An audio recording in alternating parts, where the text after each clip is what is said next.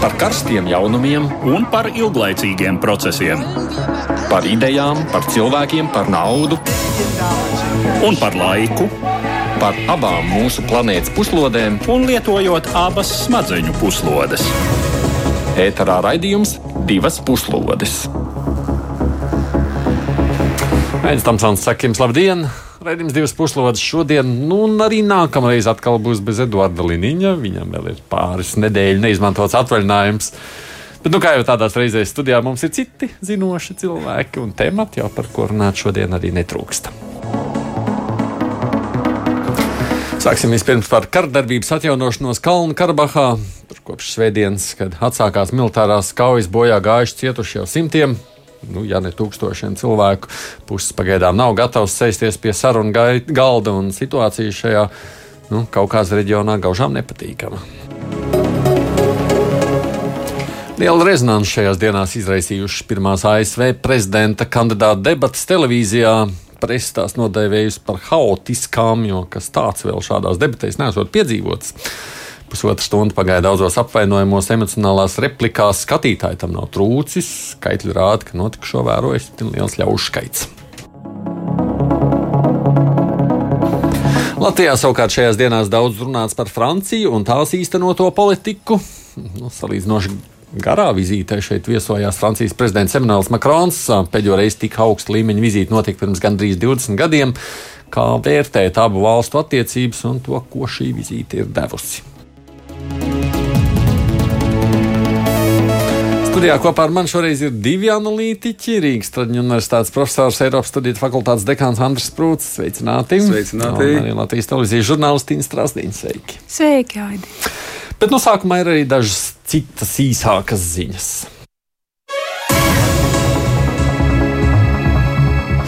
Covid pieauguša izplatība Eiropā joprojām raisa ar vien lielākas bažas. Lai ierobežotu pandēmijas izplatību, Slovākijas un Čehijas valdības trešdien izsludināja ārkārtas stāvokli. Slovākijā ārkārtējais stāvoklis stājās spēkā šodien, ilgs 45 dienas.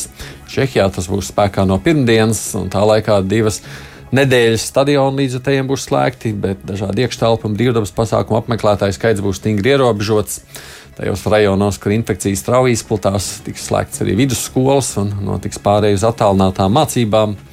Maskavas skolās savukārt ir izsludināts brīvdienas. Divas nedēļas atkal bērni varēs neiet uz skolu.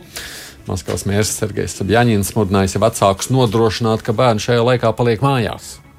Maskavas slimnīcām ir dots rīkojums atbrīvot simtiem gultu Covid-19 pacientiem, reaģējot tādā veidā uz straujo inficēšanās gadījumu skaita pieaugumu.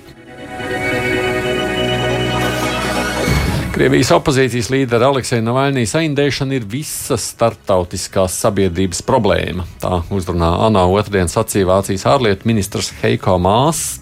Uzbrukums Navaļniem ir ķīmisko ieroču aizlieguma vienošanās pārkāpums. Es aicinu Krieviju darīt vairāk, lai izmeklētu šo lietu, jo tādām lietām kā šī ir jābūt konsekvencēm. Tā uzsvēra Vācijas augstākais diplomāts, piebilstot, ka Eiropas Savienība patur tiesības noteikt sankcijas. Tikmēr pašā Vācijā gan atskan arī citas balsis.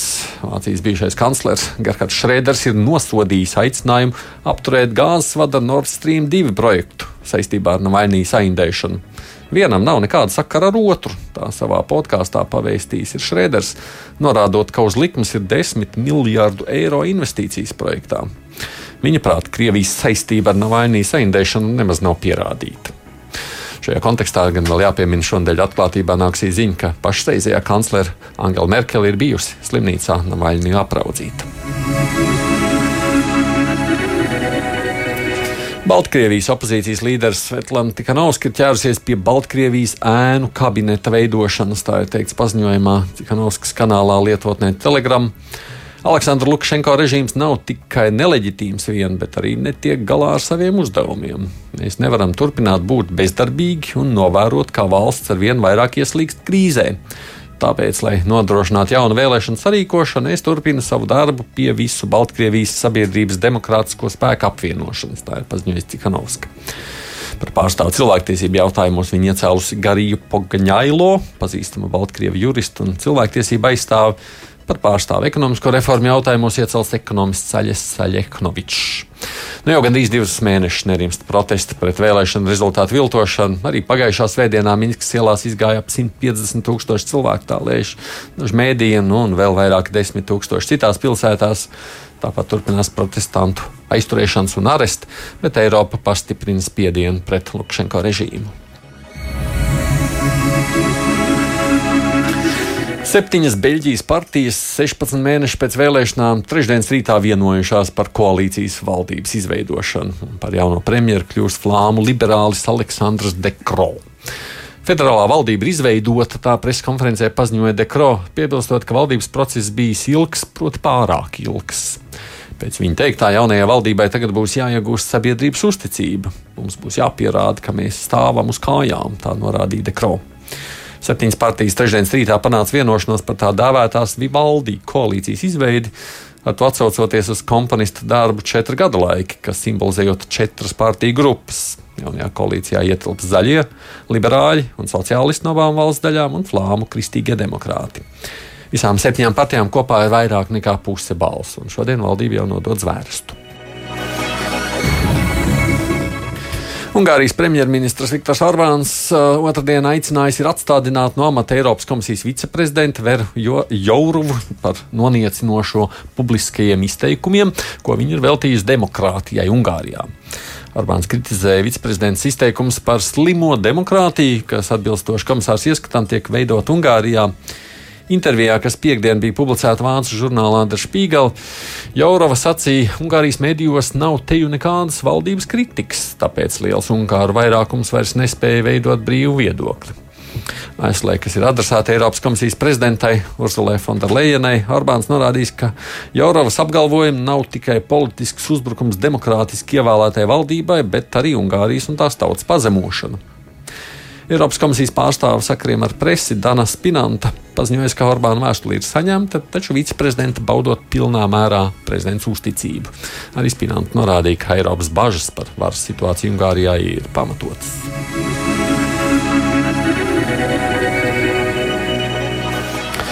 Nu, tagad par sākumā minētiem tematiem plašāk un vispirms par kārdarbības atjaunošanos Kalnu Karabahā.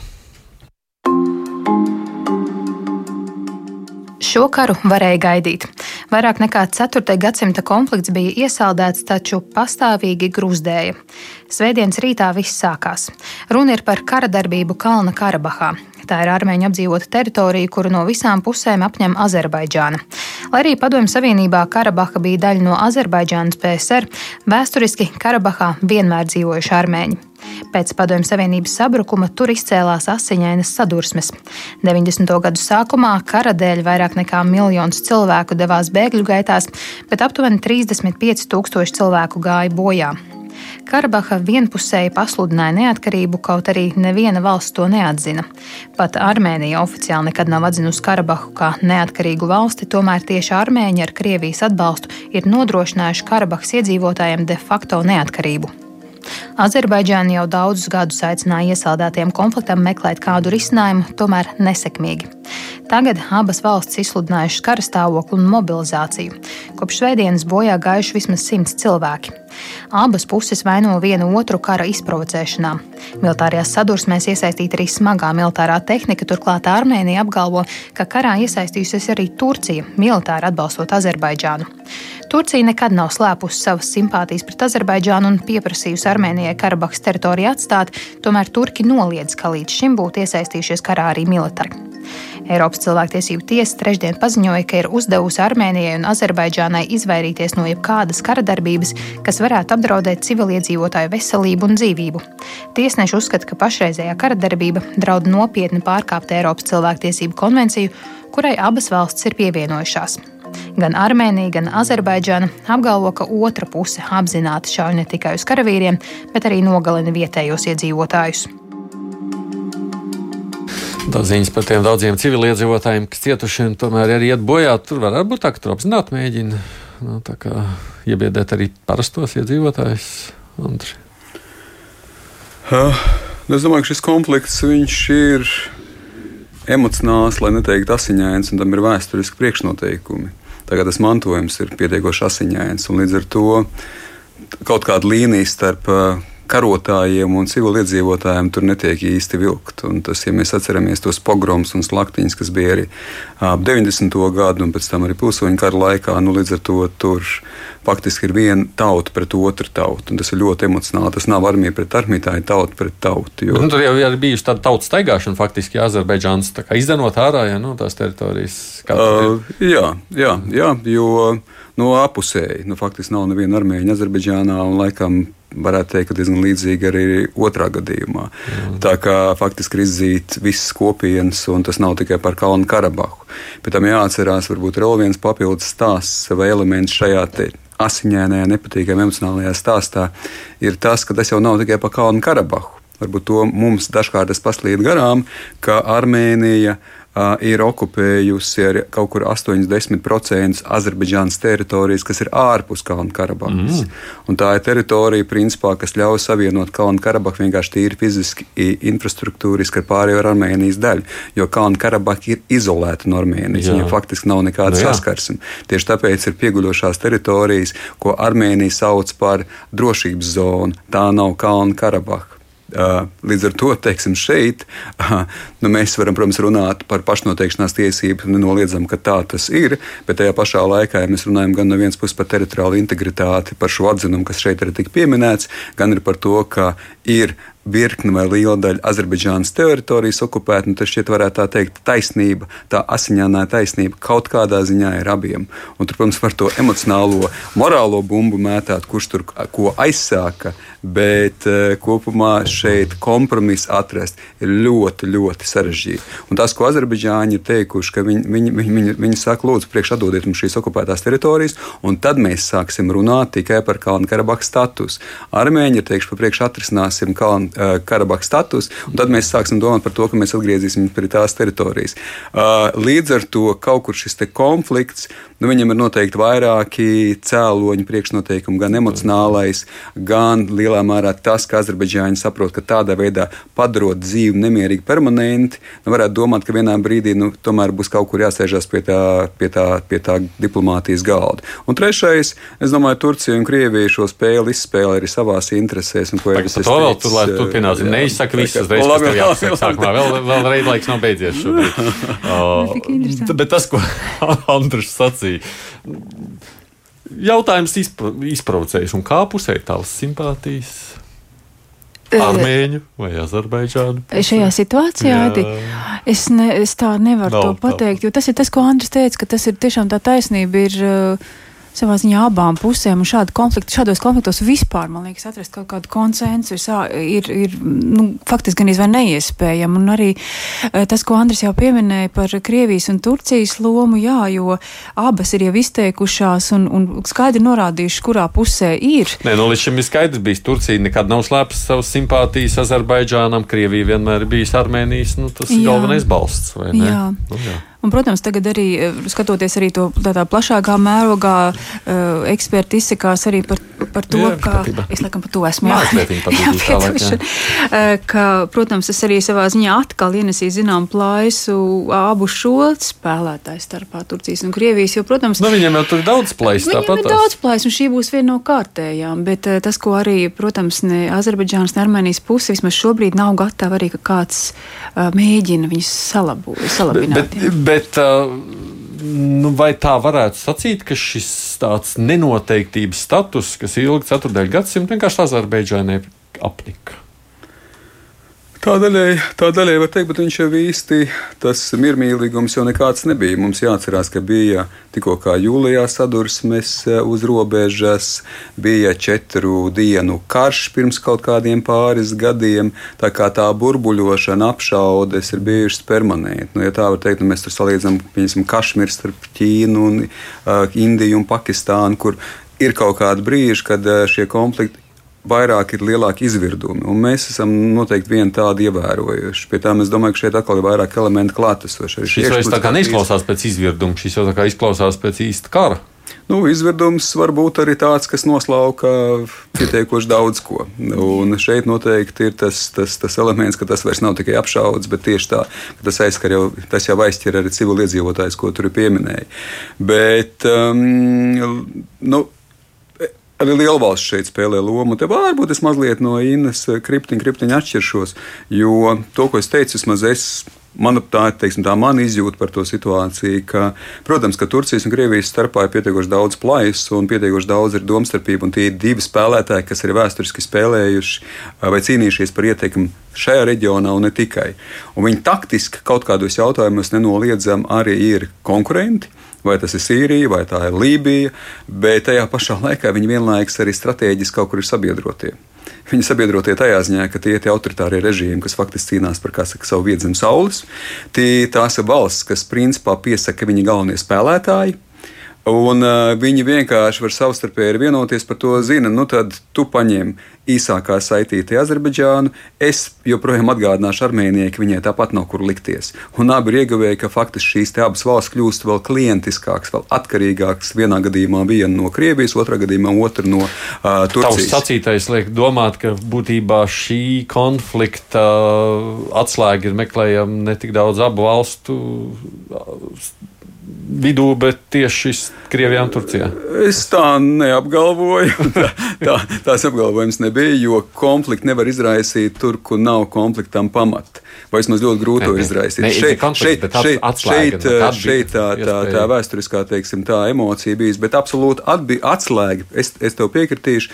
Līdz ar to man šķiet, ka šis konflikts nevar nonākt pie kāda, kas uzvar jo faktiski neviena no otras puses nepieļaus. Un Turcija neplāno karot ar Krieviju, un Krievija neplāno karot ar Turciju. Tā kā viņi ļauj abām valstīm diemžēl ir tā skaitā uz civiliedzīvotāju rēķina, realizēt kaut kādas kardarbības, kurā cieši viss, bet tas statu, sta, statusa ziņā, ietekmes ziņā, klātbūtnes ziņā tikai pastiprina Krievijas un Turcijas klātesamību reģionā.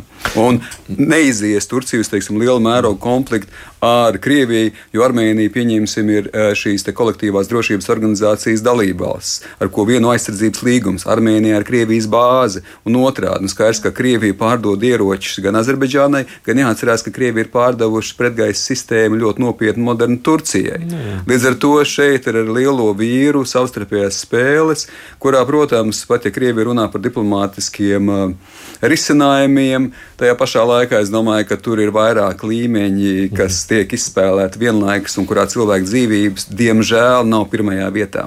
Azerbaidžāna sacījusi, ka tā nebeigs kara darbību, kamēr armija neizvāksies pilnībā ārā no turienes. Kā tas, tavuprāt, var viss pabeigties? Kā tu redzi savu perspektīvu? Jā, tas vispār ir tāds, protams, biedējošs paziņojums, bet. Uh...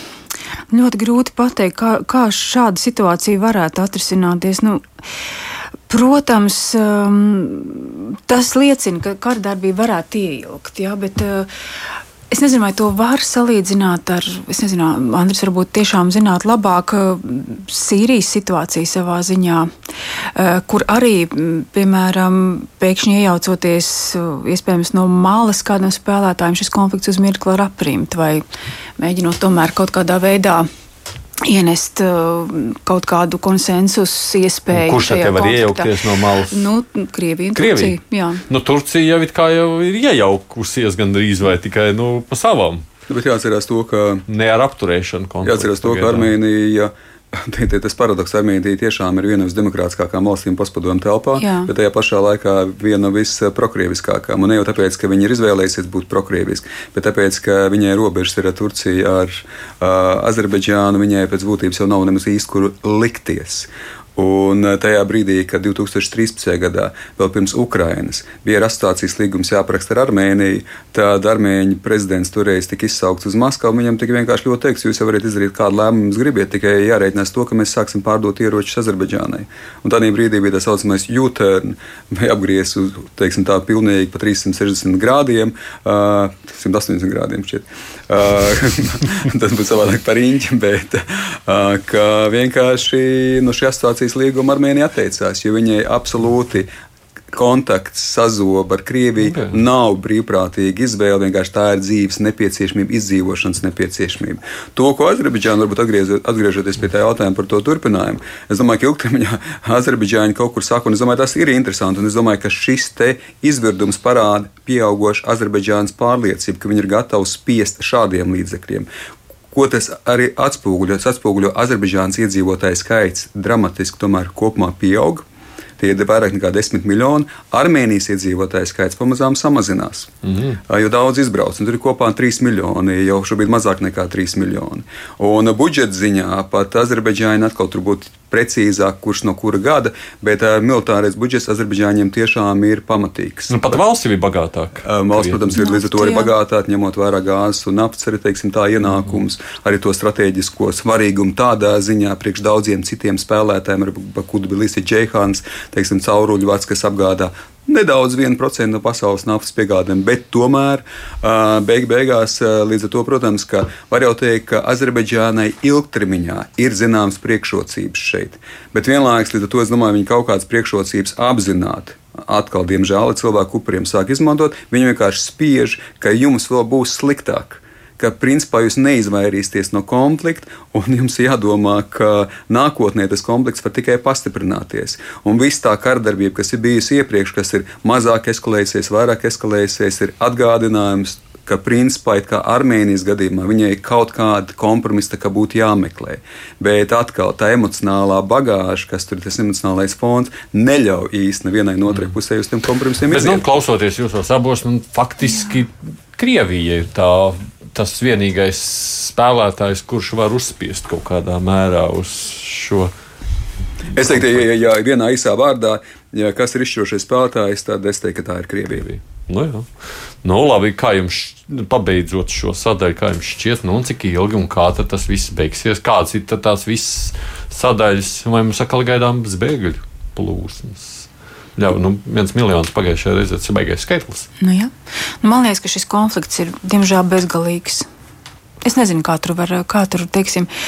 Tur, cik es saprotu, ir vispār mājas, kuras stāv jau pirms tiem vairāk nekā 25 gadiem Azerbaidžānu pamestas, jā, kuras joprojām tur daudzi sapņo atgriezties. Nu, nevajag vairs sapņot, bet nu, paliks tad ir īpašumi tur visiem.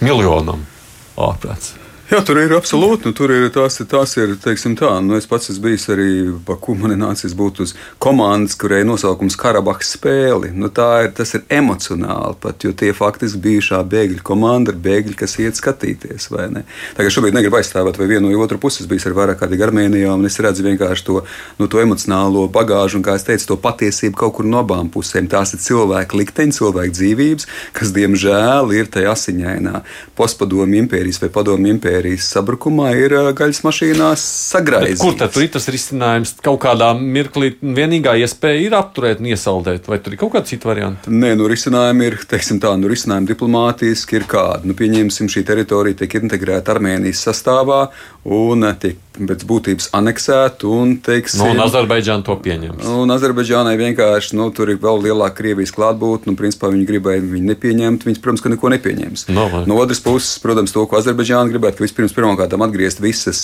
visas okupētās teritorijas, saucamo drošības zonu, ko Azerbaidžāņi, protams, uzskata, ka okupēta teritorija būtībā tas tā arī ir. Un to, kas jau tika sežetā minēts, ka neviena valsts, tā skaitā Armēnija, nav atzinusi Kalnu Karabahu, ka Kalnu Karabahu teritoriāli atgriežas atgriežas Azerbaidžānas teritoriālās integritātes teiksim, tā, kontekstā atpakaļ. Viņi atgriežas Azerbaidžānas sastāvā, jo viņi de jure tur atrodas, de jure viņi joprojām tur ir. Un tad tiek risināts Kalnu-Karabahas autonomijas jautājums, kā tas bija teiksim, pirms 30 gadiem. Tas Bet, ir reālāks variants. Es domāju, neviens ne otrs variants nav reāls. Nu, Reāl, reāli. Reālākais variants ir tas, ko teica Inna, ka šis konflikts ir bezgalīgs. Vismaz tuvākajā laikā es domāju, ka viņš būs pietiekoši iesaldēts, jo Armēnija neatteiksies no tā. Tas ir pilnīgi skaidrs. Uh, es, tas, kas varbūt ir labākais risinājums, kas varētu būt, ka tiešām Armēnija iziet uz eh, teiksim, šo te teritorijas okupēto teritoriju atgriešanu. Es domāju, to Azerbaidžāna spiedīs, un viņi, no tā viņi neatkāpsies. No tā ļoti grūti atkāpties, jo tās ir tāpat nav Kalnu Karabaka, tāpat nav autonomā republika Azerbaidžānas republikas sastāvā. Tā ir, tā ir okupēta principā Azerbaidžānas teritorija. No tā Azerbaidžāna neatteiksies, un tad, protams, var izsināt par to, kādā formātā izskatās šis Kalnu Karabaka status. Bet atkal Kalnu Karabaka nevar īsti eksistēt līdz galam. Konflikta gadījumā, ja viņai nav šī savība, saviet, savienojamība ar pārējo ar Armēniju. Un tāpēc šīs, šīs teritorijas ir arī vitāli svarīgas. Nu, tāpēc iedomāties, ka tagad pie šīs emocionālās situācijas un pie kardarbības varētu aizliegt teiksim, kaut kur uz priekšu, nu, būtu ļoti grūti, lai gan jāatzīst, pagājuši gadi zināmā veidā diplomātija bija iedarbināta. Un vēlreiz var teikt, ka karš ir diplomātijas turpinājums, un vienlaikus diplomātija ir kara turpinājums. Tā kā tajā labākajā scenārijā nevar jau to izslēgt. Bet uh, kopumā es piekrītu tam, ka, manuprāt, ņemot vērā pēdējos 30 gadus, mēs varam rēķināties ar konfliktu. Viņš ir pietiekoši bezgalīgs, ļoti grūti atrast kompromisu. Man jāatzīst, atkal nu, kaut kādā ziņā, diemžēl, vēl viena lieta. Bezgalīgi arī ir tas, ka mēs pēc nedēļas vai pēc divām to būsim jau aizmirsuši. Nebūsim. Nu. Mēs pēc nedēļas vai divām runāsim. Mēs raidījumā to arī savā runā. Ticamāk, jo diez vai tas tik ātri beigsies. Par citu politisku aktualitāti mums jāturpina saistībā ar ASV gaidāmajām prezidenta vēlēšanām.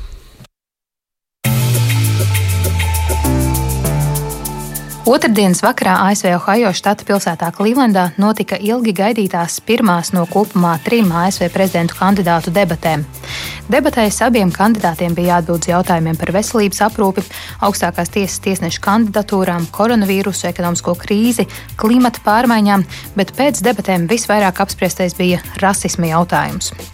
Tiesa, debates ātri pārvērtās haosā, abiem kandidātiem apmainoties ar savstarpējiem apvainojumiem un pārtraucot vienam otru. Pašreizējais prezidents Donalds Trumps savu sāncensi Džo Baidenu pārtrauca kopumā 73 reizes, un debašu organizatori jau paziņojuši, ka nākamajās debatēs būs kādas pārmaiņas, lai nodrošinātu kārtību uz skatuves. Ne jau velti komentētājs mīkņāja, ka debašu vadītājam, telekanāla Fox News žurnālistam Krisam Volisam otrdienas vakarā bija nepatīkamākais darbs visā valstī. Pēc debatēm aptaujas rādīja, ka vairāk nekā pusi skatītāju par debašu uzvarētāju uzskata demokrātu kandidātu Džo Baidenu.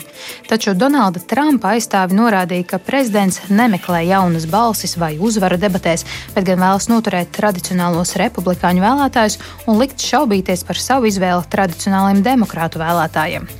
NBC News veiktā aptauja rāda, ka tikai 6% amerikāņu līdz debatēm nebija pieņēmuši lēmumu par to, kam dot savu balsi. Un NPR aptaujas pēc debatēm parāda, ka Trumpa un Baidena duelis lielākajai daļai neizlēmušo nav palīdzējis līdz lēmumam nonākt. Divas puslodes. Kad viņš šeit studijā kopā ar mani ir ārpolitikas institūta direktors Andris Prūts un Latvijas televīzijas žurnālists Inns Strasdiņš. Redzēt kaut ko no šīm debatēm? Es paskatījos postfaktumu, godīgi sakot. nu, jā, po, nu, tāpēc, ka tajā brīdī bija naktis, es arī gulēju. Skaidrs, ka postfaktumu.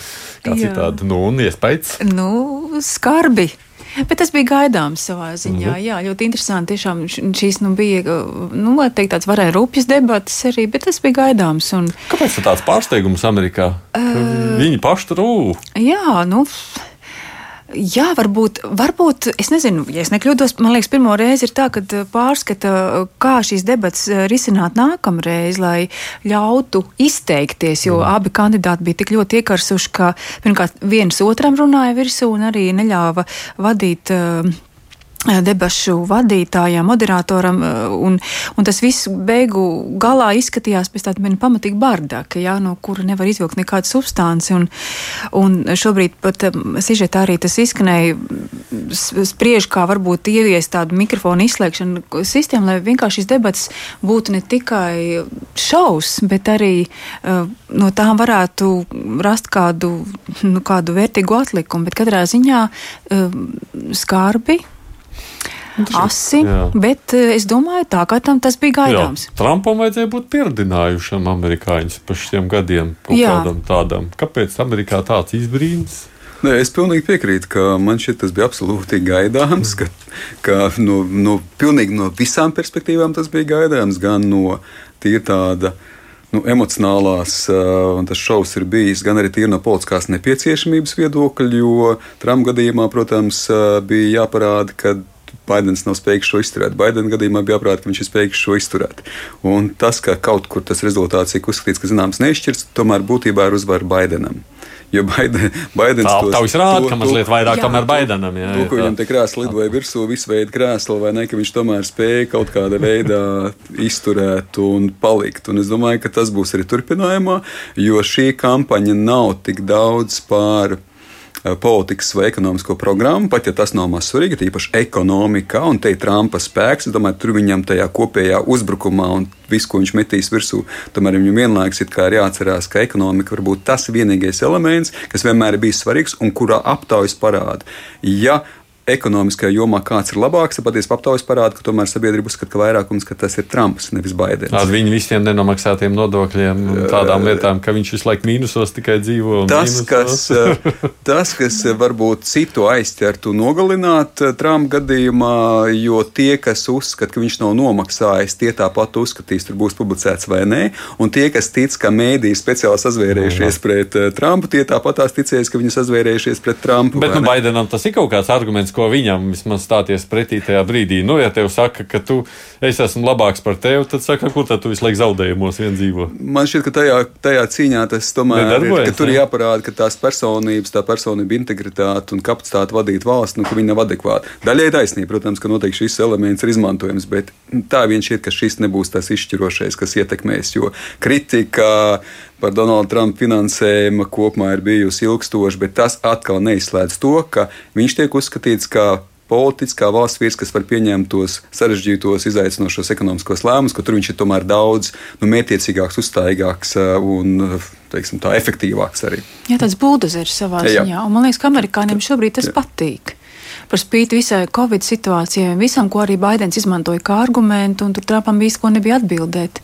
Bet eh, jā, viņš, viņš šobrīd, man liekas, arī ir tā cīņa, kurš ir saimnieks, kurš sev parāda kā stingro dūri savā ziņā. Un, teiksim, neviens saka, ka papildus varbūt tieši tā paturpinot, ka ar to buldozeru elementu sagaida, piemēram, vienā jautājumā nekā 70% ir ļoti kritiski noskaņot un uzskata, ka ir jābūt mazliet kā buldozeriem attiecībās ar Ķīnu. Un tur Trumps ir absolūti, un tā ir viņa joma, kurā viņš ir izpaudījis, kur viņš jau kritizē to, ka Baidens ir bijis kopā ar Obamu astoņus gadus un īsti nekas nav darīts. Un tur ir, teiksim, tā, Trumpam ir atbalsts. Tā kā ekonomikas ziņā un tāda nu, personības šovu un tās piedienas ziņā, nu, tur Trumpam ir savas priekšrocības. Bet tāpēc Baidens to tās pirmās ugunskristības pēc tās savas virtuālās kampaņas, nu, var teikt, ka viņš ir izturējis. Nu, jā, bet redzi, tomēr vairākums saka, ka Baidens ir bijis pārliecinošāks viņiem, kā skatītājiem. Un vispār jau laikam aptaujas rāda, ka Baidenam ir lielāks atbalsts šobrīd nekā Trumpam. Tātad tas, ka tu saki, ka amerikāņiem patīk, Nu, šāds buldozers, nu, redz, laikam nevairākumam tomēr. Jā, tas vispār ļoti interesanti. Ēdies arī par to domāju, jo varbūt kaut kā nevis tomēr cilvēki novērtē kaut kādā, zināmā mērā tādu ieturētību un inteliģenci krīzes situācijās. Ja Baidens salīdzinoši, ja Trumpa, protams, bija izturētāks un pieklājīgāks, mm -hmm. ja, bet eh, va, iespējams, ka. Nu, šis ir tikai pirmās debatas. Jā. Nākamajām, protams, viņi gatavosies, izvērtējot šīs, gatavosies jau ar citu uh, arsenālu. Varbūt, jā, cilvēki vienkārši. Es negribu teikt, ka varbūt noguruši no, no, to, no, no, no Trumpa tādas. Um, agresijas, bet varbūt tajā brīdī, bet tas arī ir parādījies ļoti daudzos, piemēram, diskusiju rādījumos, ka sabiedrība mēdz nostāties tā pusē, kuru vairāk sit. Un, man liekas, šajās debatēs Trumps, protams, bija izvēlējies to lielākā uzbrucēju pozīciju. Baidenam vairāk tika šo krēslu, kā Andris sacīja. Un varbūt arī tas savā ziņā nospēlēja uz publiku, skatītāju, ka viņi nosliecās Jā. Par labu tam, kuram tiek. Nu, Andriņš, no, domas ļoti labi. No, no, no.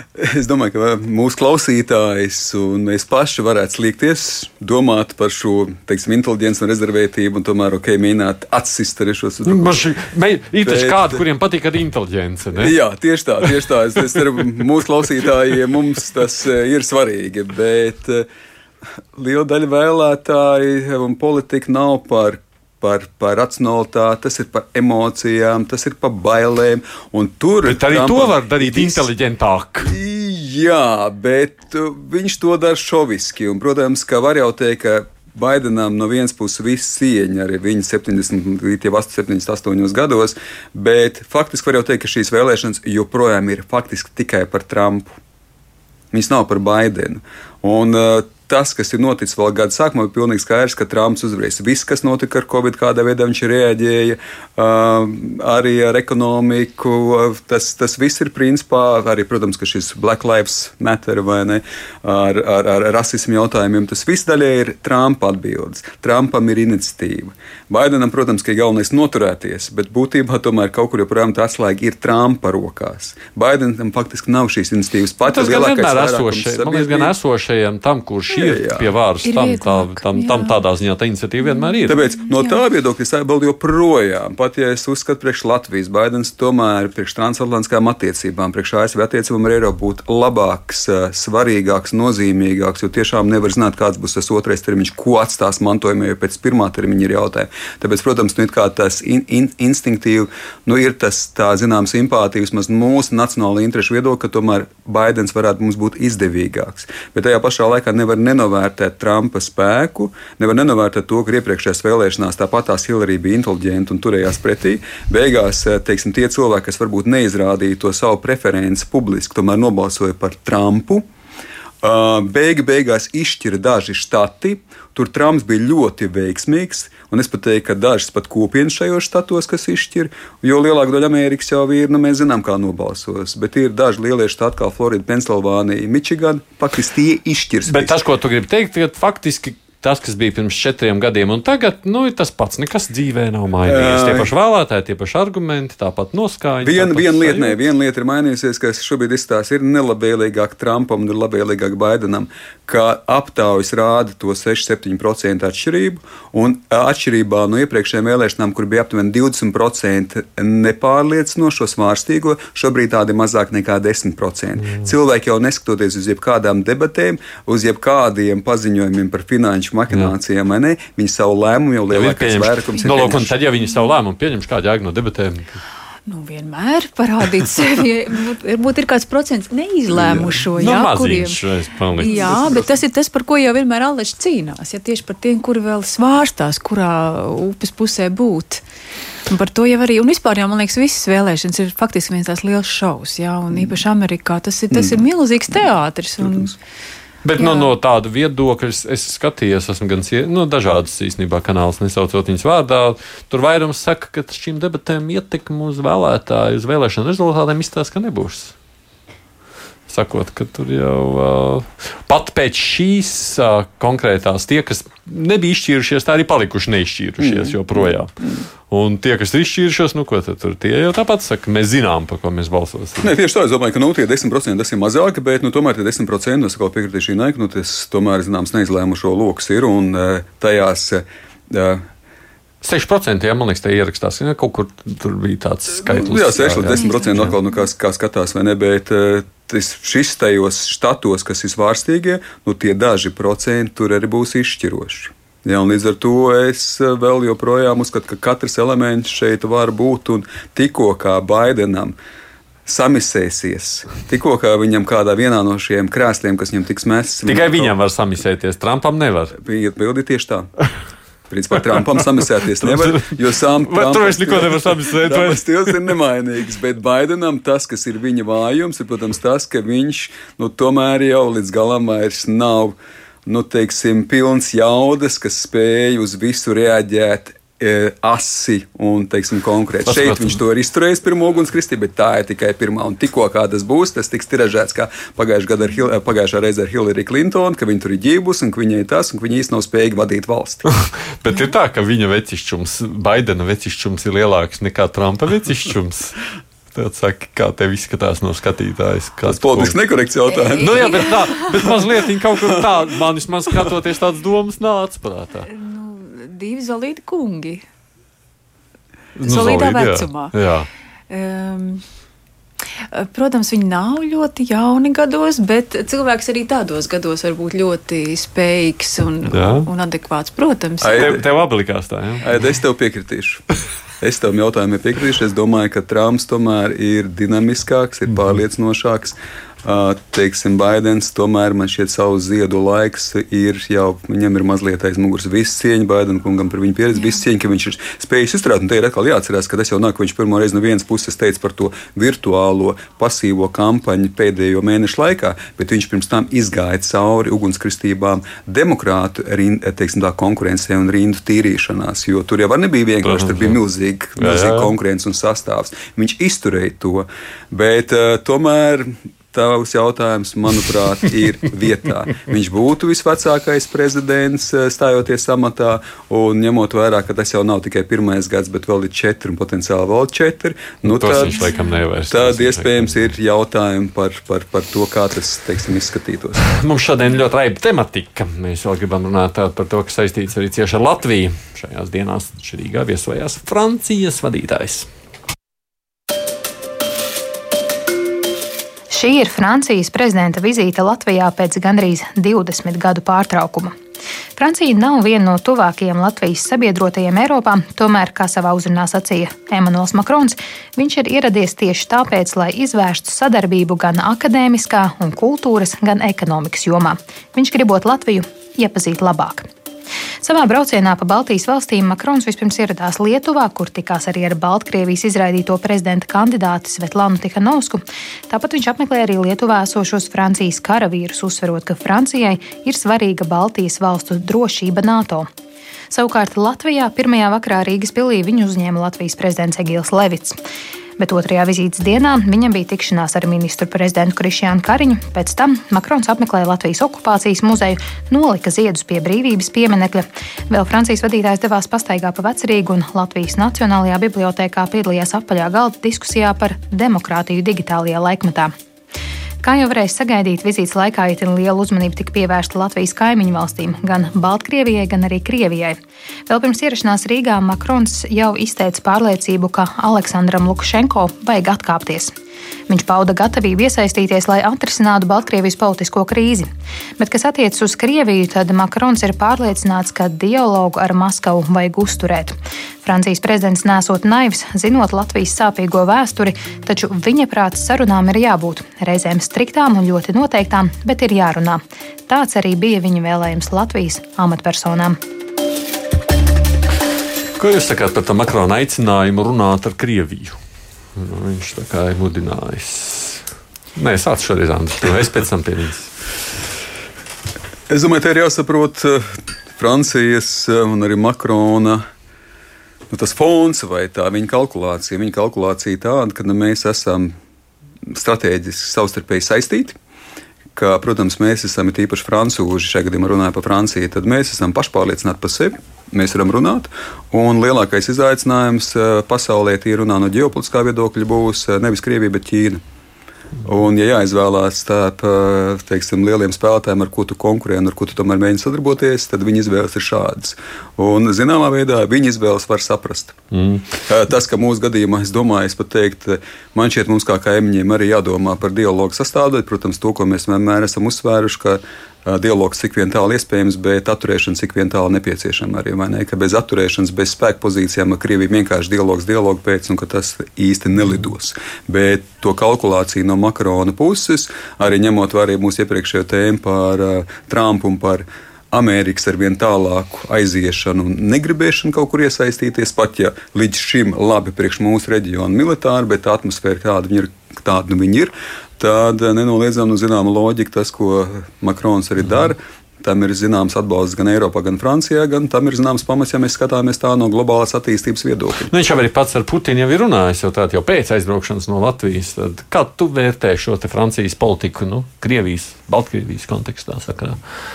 Nu, uh, Makarons, man liekas, viņš ir Viņš tiešām sevi ir pozicionējis un vēlas būt vidutājs daudzos konfliktos un vispār situācijās. Jo šobrīd ir tāda, man liekas, tāda tukša vieta, nu, vēl pagaidām varbūt gluži ne, bet Eiropas līderu šajā plējādē, kad mums nav šobrīd, nu, Merkel savā ziņā ir nogurusi, mums nav cilvēku, kurš, kurš velk šo vezumu. Man liekas, ka Makronam ir šī ambīcija, jo viņam švaki iet pašmājās mm. un ka viņš var sevi pierādīt starptautiskajā arēnā. Un, protams, Francija, kā jau Andris minēja, viņa alleži ir bijusi uz Krieviju orientēta. Tas ir nenoliedzami. Un eh, šobrīd eh, tas, ka vispār interesanti tikko atgriezies mājās, mēs arī šodien runājām ar kolēģiem. Interesanti, vai viņš zvanīja Putinam uzreiz pēc vizītes Latvijā vai aizbrauc atpakaļ Parīzē šodien. Eh, protams, viņš turpinās šo, šo, šo tiksim, šīs saiknes gan ar Krievijas līderi, bet Baltkrievijā, manuprāt, viņš var darīt diezgan maz jo viņš var mēģināt veidot kādu dialogu uh, sapulcināt citus, iesaistīt Eiropas Savienības līmenī, bet man šķiet, ka uh, tā īsti izmainīt šo situāciju, ko viņš ir apsolījis mainīt, atbrīvot, censties palīdzēt atbrīvot politi ieslodzītos, nu, Tas nebūs tik vienkārši. Jā, es, man ir nākošais jautājums, jūs uzrakstīt, cik viņš spēja ietekmēt tos notikumus. Kā tā pašā Baltkrievijā. Es atbildu Baltkrievijai, viņš nevar ietekmēt īsti neko. Jā, es domāju, ka Kalnu Karabahā viņš nevar ietekmēt neko. Jāatcerās, ka tur ir Francija, ASV un Krievija ir, ir šī Minskas grupas vai šī konflikta risināšanas trijotne. Arī Francija tur ņemot vērā visu armēņu diasporu, kas ir Francijā un savstarpējo sasaist, bet uh, arī tur neko nevar ietekmēt. Es domāju, ka man jāsaka, runājot par tiem notikumiem, kas nāks, m, pēc mēneša būs arī Moldovas prezidenta vēlēšanas, arī tur neko viņš nespēs ietekmēt, un es domāju, tur arī būs mazliet līdzīga, vai varbūt arī līdzīga situācija kā Baltkrievijā. Skaidrs, ka postpadomu telpā, it īpaši pēc Ukrainas, uh, tā ir pietiekoši mazi ģeopolitiski, nu, tā var teikt, um, lauki, kur veltīt savu uzmanību, jo tāpat iegūt tur ir kaut ko grūti, un pat ja tu kaut ko iegūsi, tas būs principā pietiekoši maz. Jā, Ukraina salīdzinoši varbūt lielāka, nozīmīgāka tajā visā ģeopolitiskajā spēlē, tā kā tur varbūt var mēģināt angažēties, tāpēc ir Normandijas formāts, ir, ir kriptiņa cita situācija. Bet tomēr kopumā nu, var atzinīgi vērtēt Makronu, pat ja mums atšķirās kaut kādas lietas, jo es teiktu tā, Merkele, visu cieņu Merkelē, viņa ir bijusi vairāk vidutāja, nevis līderi. Makrons cenšas spēlēt vairāk nevis vidutāju lomu, bet tieši drosmīgu līderu lomu. Un arī viņa šī pirms trim gadiem Sorbonas teiktā runa, kas ir Eiropa. Eiropa ir par solidaritāti, Eiropa ir par suverenitāti. Kaut kur jau kaut kāda elementē visā parādās. Mums var tas nepatikt. Mums var nepatikt teiksim, šī te suverenitāte, kurā mēs tā kā daļēji uh, uz Man amerikāņu rēķinu mazliet ejam prom. Un tas mums noteikti, nu, mēs gribam, lai būtu tas uh, amerikāniskais. Bet arī mēs skatāmies ar atšķirīgas uh, pieejas. Pieņemsim, uh, ir intervences spēki, šie mobilie spēki, ko francūži ir attīstījuši iniciatīvu. Tajā 13 valsts ir Igaunija, ir visas Skandināvijas valsts, ir Vācija, ir uh, Holanda, nav Latvija un Lietuva. Līdz ar to, teiksim, pat šeit reģionā ir atšķirības par to, kā cik lielā mērā arī ar Makronu virzītu teiksim, iniciatīva ideja ir jāsadarbojās un cik teiksim, šo te suverenitātes ideju ir jāattīst. Pat varbūt nemēģinot vai, vai cenšoties joprojām uzturēt transatlantisko saiti. Tāpēc nu, Makronam ir savs, sava, savs mēģinājums uzdrošināties, un no tā viedokļa var viņu novērtēt. Protams, ka tas, ko Makronam pārmet, nu, ka viņam ir simt un viena ideja ka viņš izmet ļoti daudzas idejas, un beigās daudzām no šīm idejām viņš līdz galam tā arī neizsako līdzi. Es domāju, ka atgriežoties pie to, ko mēs noslēdzām, varbūt to mazliet iepriekšējā tēma par Baltkrieviju, tad Baltkrieviju viņš tagad izmet ne tikai Novs, viņš tiekās, bet es domāju, ka tam īsti turpinājumi nekāda mm. pārāk liela nebūs. Un tur tāpat būs beig beigās tāda sazvanīšanās un konsultēšanās ar cilvēki, kas uh, tiešām notikums vispirms izšķir, tas ir ar Vladimiru Putinu Kremlī. Šajā kontekstā mums raksta, ka Franciju Krievi nav tik ļoti pagājušā gadsimtā traumējuši kā tur Vācija vai um, ar to tāpēc varbūt arī tur tās attiecības veidojās tādas. Bet tur viens pēties pavisam, pavisam drīkst. Padomju laikā jau, man liekas, viņiem bija labas attiecības salīdzinoši padomju savienībai ar Franciju labāks nekā citā. Tur ir, divas, tur ir divi elementi. Es neesmu redzējis kritiskāku akadēmisko intelektuālo lietu attiecībā pret Krieviju kā Francijā ir ļoti kritiski par cilvēku tiesībām, jo, mhm. teiksim, cilvēku brīvība, demokrātija tie ir ļoti spēcīgi jēdzieni, tie ir rezonējuši jēdzieni Francijas sabiedrībā. Tad to Francijas sabiedrībā nav atbalsts daudzām lietām, kas notiek Krievijā tieši tādā, teiksim, demokrātijas un cilvēktiesību ievērošanas ziņā. Un tāpēc Navalnī lieta ir pietiekoši emocionāls jautājums, kurā saka, redziet, nu te ir autoritārs režīms un cilvēktiesības demokrātijas tiek apspiestas. Francūžiem, teiksim, demokrātija un brīvība ir ļoti ļoti, ļoti spēcīgi un rezonējoši emocionāli iedzieni. Mm -hmm. Tajā pašā laikā no tāda lielo valstu miedarbības ir, protams, ka šis te. Mēs esam piecas sveto valsts, vai ne? Francija un Krievija ir, ir divas no tām. Mēs esam tās, kas ir kodola lielvalsts klubiņš, kurā ir Francija un Krievija. Tur ir, teiksim, valsts kā līmenī cita izspēle. Bet sabiedrības ziņā, e, arī intelektuālā eliziņā, nepavisam nav tik vienkārši. Tā ir diezgan daudz šķētņēna sabiedrība. Ko tu saki savukārt par to, cik saturīga un vērtīga bija tā Makrona vizīte Latvijā? Man tā no malas vērojot, es, protams, biju tā fragmentāri, kā žurnāliste atklāšanā, un pēc tam dažādos pasākumos arī. Piektdien, man liekas, ka, ka tā ne piekdien, ne, trešdien. Um, jā, man, godīgi sakot, arī pēc vakardienas īstā galva nestrādā. Bet man šķiet, ka vizīte bija ļoti laba. Ka bija tas viss, ko vien var divās dienās parādīt, satikties, iz, nu, cik ātri vien var izrunāt, izrunāt lietas, bet man radās iespējas arī satiekot Makronu uz trim minūtēm.